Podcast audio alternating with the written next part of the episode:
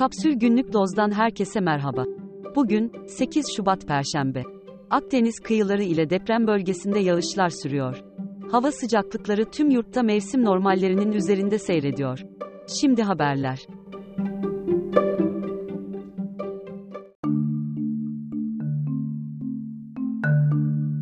TÜİK'in ülke nüfusuna ilişkin raporundan yeni detaylar paylaşılmaya devam ediyor. Buna göre, Türkiye'nin nüfusu, geçen yıl 92.824 kişilik artışla, 85.372.377 kişi olarak belirlendi. Yıllık nüfus artış hızı, 2022 yılında binde 7.1 iken, 2023 yılında binde 1.1 oldu. Yaşlı nüfusun arttığının göstergesi olan ortanca yaş, 33,5'tan 34'e yükseldi. Geçen yıl nüfusu 252 bin kişi azalan İstanbul, pandeminin başladığı 2020'den sonra, Cumhuriyet tarihinde ikinci kez nüfus azalışı gördü. Toplam 15 milyon 655 bin 924 kişinin yaşadığı İstanbul'un nüfusu, 131 ülkeyi geride bıraktı. Deprem bölgesinden 308 bin kişi göç ederken, Hatay, 141 bin kişi ile en fazla göç veren il oldu. Nüfus olarak sayıca ikinci sırada yer alan Ankara'da 5 milyon 803 bin 482, İzmir'de 4 milyon 479 bin 525, Bursa'da 3 milyon 214 bin 571 ve Antalya'da 2 milyon 696 bin 249 kişinin yaşadığı belirlendi. Bu illeri, Konya, Adana, Şanlıurfa, Gaziantep ve Kocaeli izledi.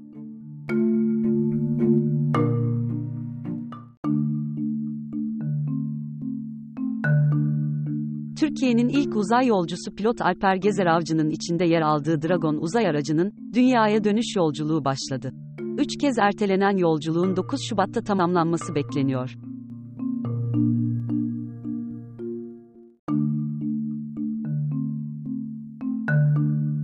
İstanbul Bağdat Caddesi'nde, memelere özgürlük yazılı pankartla yürüyen model Melisa Aydınalp hakkında, hayasızca hareketlerde bulunma suçundan bir yıla kadar hapis cezası istendi. Protesto hakkını kullandığını söyleyen Aydınalp, vücudumun herhangi bir yeri açık değildi. Hayasızca bir hareketim olmadı dedi.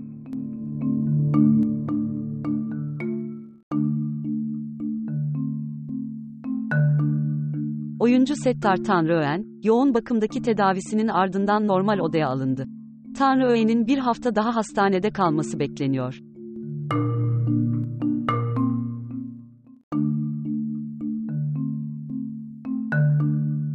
Fransız lüks moda markası Hermes, İzmir'de ikinci el kitaplar satan Hermes sahafın sahibi Ümit Nar'a, ticari isim ihlali iddiasıyla dava açtı.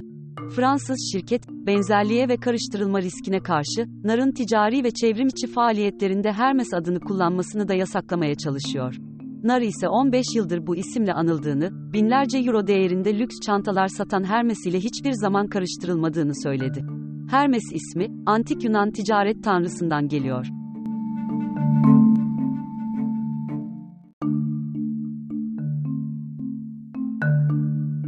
Türkiye, 2003-2023 yılları boyunca faize 563 milyar dolar ödedi. 2023 yılında ödenen 28.4 milyar dolar faiz, 2011 yılından bu yana dolar bazında bir yılda faize ödenen en yüksek miktar oldu. 2023'te toplanan her 100 lira verginin 15 lirası faize gitti, 2024'te ise en az 17 lirasının faize gideceği hesaplanıyor. Yani bütçeden harcanacak her 100 liranın 11.3 lirası faize gidecek.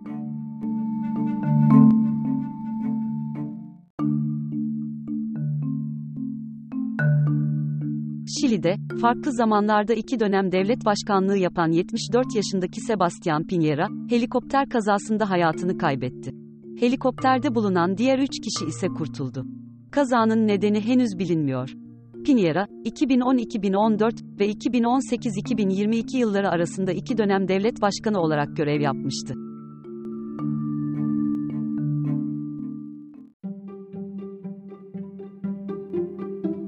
Daha fazlası için kapsül.com.tr adresini ziyaret edebilirsiniz.